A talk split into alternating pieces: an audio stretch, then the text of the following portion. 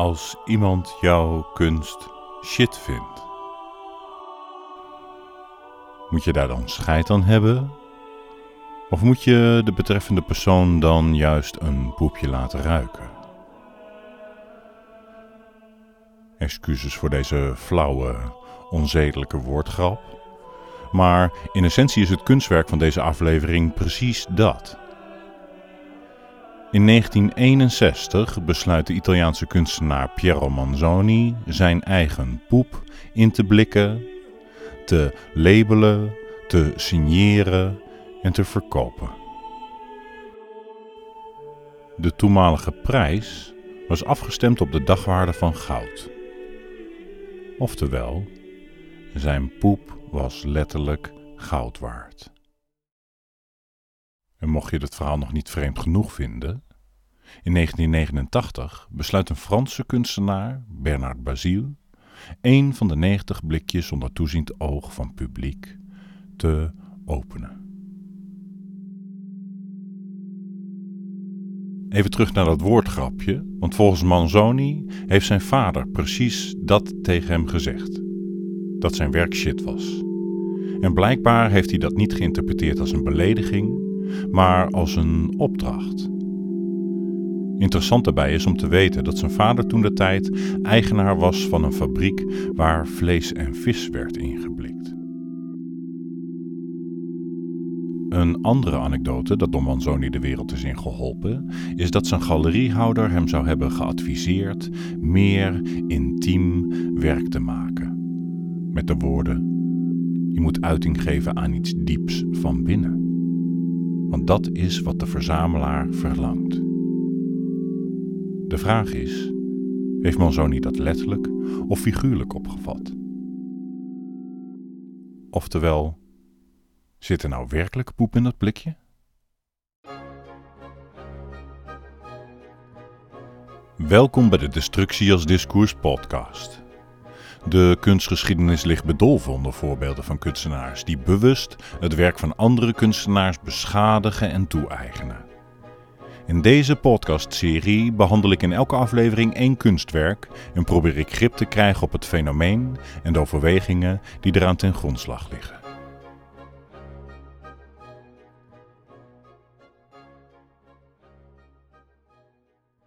Piero Manzoni is een van de belangrijkste vertegenwoordigers van de Italiaanse arte povera beweging.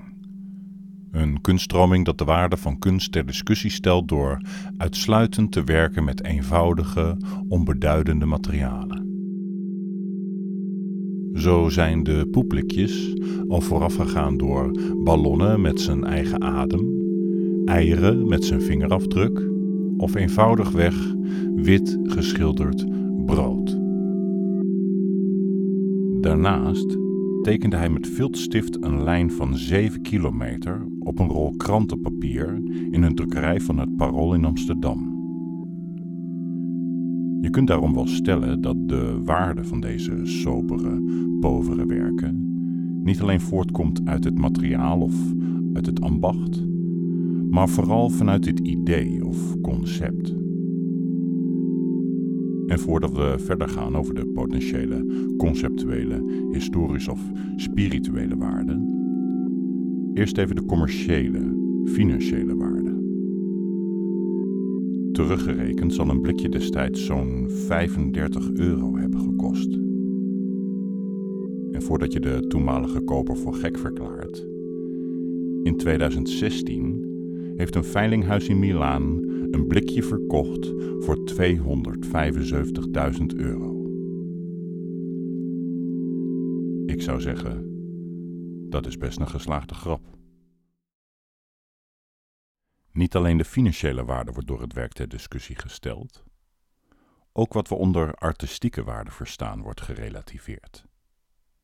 Want als er ook maar iets is dat elk mens produceert en daardoor volstrekt onorigineel is, dan is het wel poep. Je kunt misschien invloed uitoefenen op de materiaalkeuze, maar hoeveel controle heb je nou daadwerkelijk over de vorm van het door jou gemaakte sculptuur?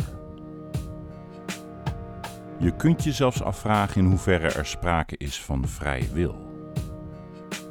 Beeldend kunstenaar en dichter Herman de Vries vraagt zichzelf in een gedicht uit 2002 een vergelijkbare vraag in verband met ademhalen.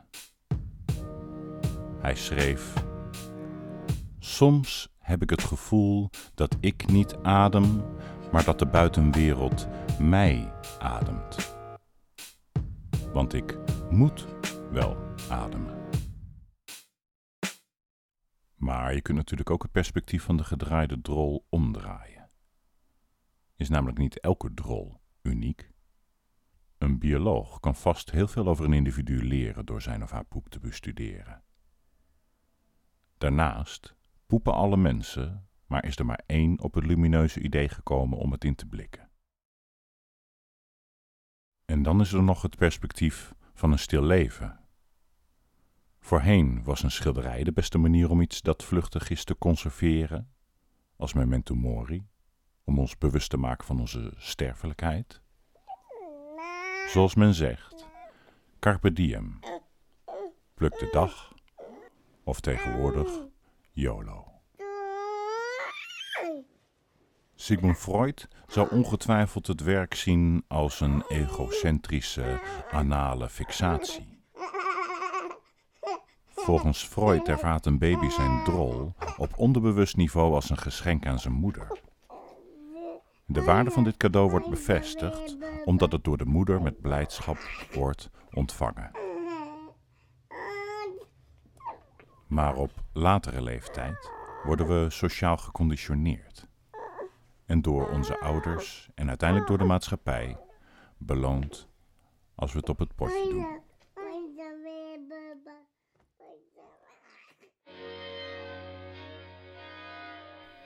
Nou ben ik erg nieuwsgierig naar wat jij denkt, want veel mensen twijfelen of er daadwerkelijk poep zit in de blikjes. En de vele verhalen die rond het werk spoken zijn buitengewoon moeilijk te verifiëren. Zo is er een anekdote die door zijn familie de wereld is ingeholpen. Die zeggen dat ze hem daadwerkelijk met blikjes uit de wc hebben zien komen. Maar dat verhaal lijkt me niet zo overtuigend.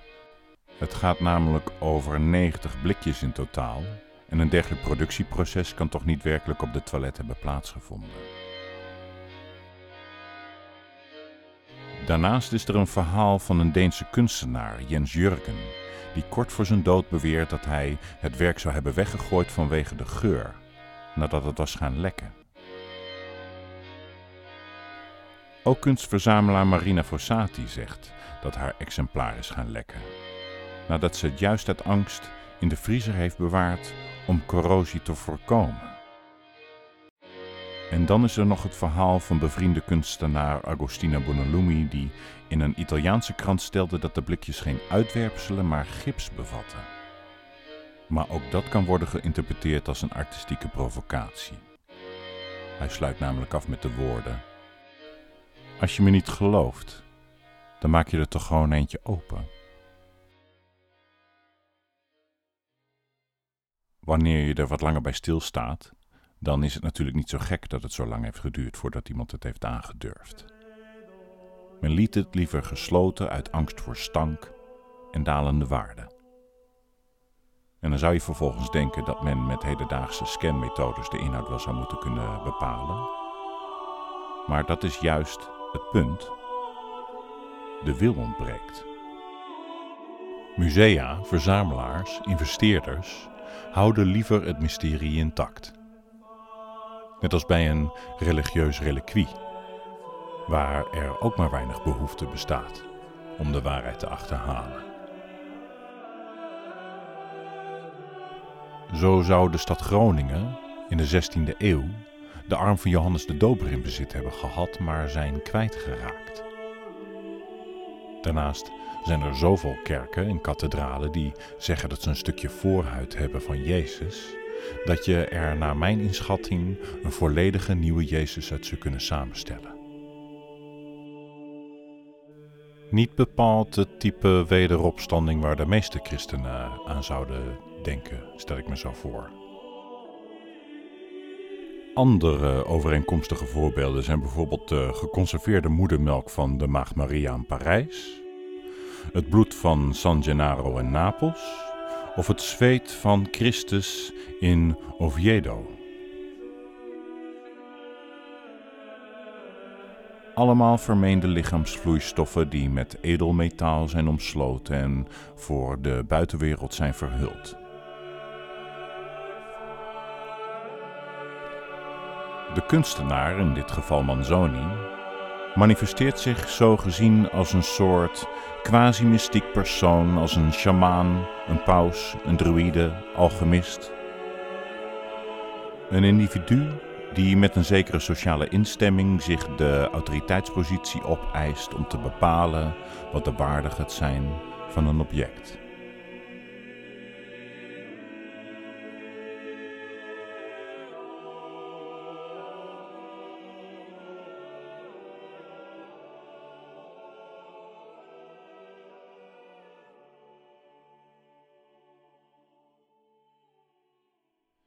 Ik stel me zo voor dat je als luisteraar inmiddels wel nieuwsgierig bent naar wat Basiel in het blikje heeft aangetroffen. Maar voor ik zover ben, moet ik nog even de context schetsen waarin het blikje is geopend. Voorafgaand aan de grote onthulling heeft Basiel vrijwel alle eigenaren van een blikje geïnterviewd. En daarvoor is hij afgereisd naar Italië, Frankrijk, de Verenigde Staten, Japan, Zwitserland en Korea.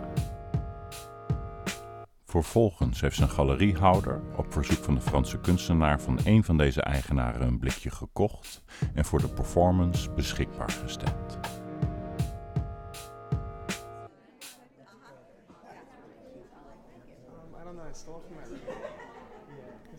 Oké, daar zijn we dan.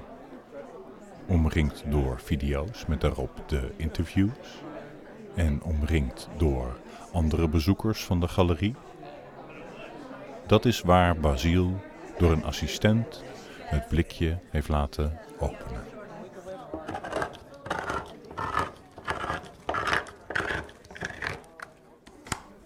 En wat bleek? In het blikje zat, net als bij een Russische matroeska-pop, een ander nog kleiner blikje. In het Italiaans scatolina genoemd met eromheen dezelfde papieren wikkel, met wederom de opdruk in het Italiaans, Engels, Frans en Duits. Artist shit. Contents 30 grams. Freshly preserved, produced and tinned in May 1961. En dat kleinere blikje is nooit opengemaakt. En zo is het mysterie eigenlijk alleen nog maar groter geworden. Daarbij is het interessant te noemen dat de huidige getaxeerde waarde van het betreffende blikje na de performance is verdubbeld. Dit mede omdat het betreffende blikje, dat voorheen 1 was uit een oplage van 90, nu een unicum is geworden. Maar ja, ook dat is relatief. Want wie bepaalt een dergelijke waarde? De kunstenaar, de verzamelaar, de galeriehouder, wij als kunstliefhebbers. En daarbij moeten we ook maar aannemen dat deze hele performance geen doorgestoken kaart is. Eigenlijk is de overkoepelende vraag: wie houdt hier in godsnaam wie voor de gek? In een interview waarin Basiel terugkijkt op de performance, zegt hij dat hij niet van plan was een icoon te ontheiligen. Hij wilde naar eigen zeggen in het werk herinvesteren en de dialoog opzoeken. Of Manzoni zin zou hebben gehad in een dergelijk gesprek is lastig in te schatten. Hij stierf op 29-jarige leeftijd aan een hartaanval, twee jaar na het produceren van de blikjes. Als het waar is dat er een droste-effect is toegepast en er nog een blikje in het blikje zit, dan kun je in ieder geval vaststellen dat hij ervan uit is gegaan dat ooit iemand het zou openen. Daarbij heeft hij nooit gesteld dat de blikjes dicht moesten blijven. Ook is het niet gezegd dat de inhoud van alle blikjes hetzelfde is. Maar als er geen poep in zit, dan zou Manzoni wel eens in de problemen kunnen komen met de Voedsel- en Warenautoriteit, omdat de inhoud verschilt met de omschrijving op de verpakking. Maar Manzoni staat boven al deze autoriteiten. Je kent vast wel die uitdrukking. Dat wordt gebruikt bij mensen die denken dat ze onschendbaar zijn. Alsof hun poep niet stinkt. Dat van Manzoni in ieder geval ruim 60 jaar later nog steeds niet.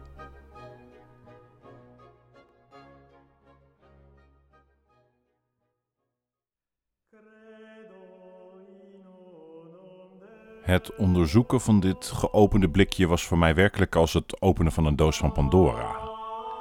Bij elke vraag waar ik antwoord op vond, ontstonden er zeker weer drie nieuwe vragen. En in dit zoekproces bleef voor mij vooral Bernard Basile een mysterie. Een man die zich graag achter de schermen manifesteert en waar maar weinig relevante informatie over te vinden is.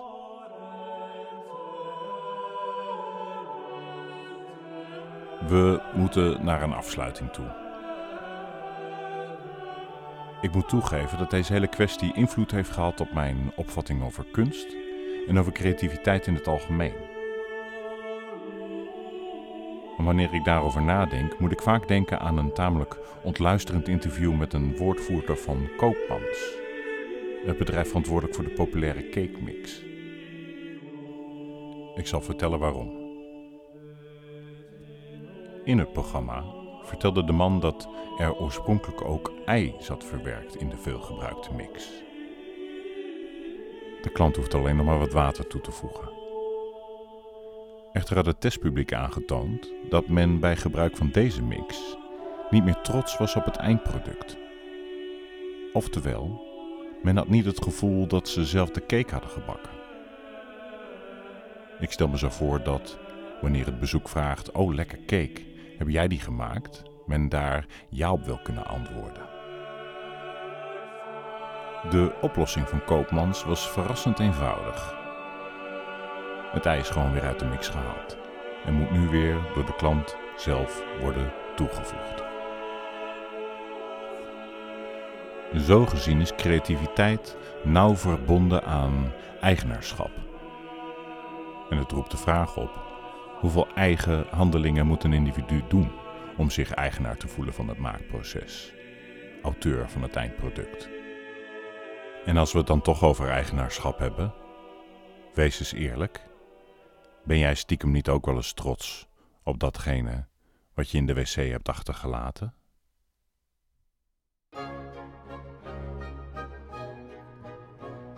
Dit was aflevering 4 van de Destructie als Discours podcast. Ben je nieuwsgierig naar meer voorbeelden van artistiek vandalisme? Vergeet dan niet te abonneren. De Destructie als Discours podcast is gratis te beluisteren op zowel Spotify als Apple Podcast. Delen, recensies en sterretjes worden erg gewaardeerd.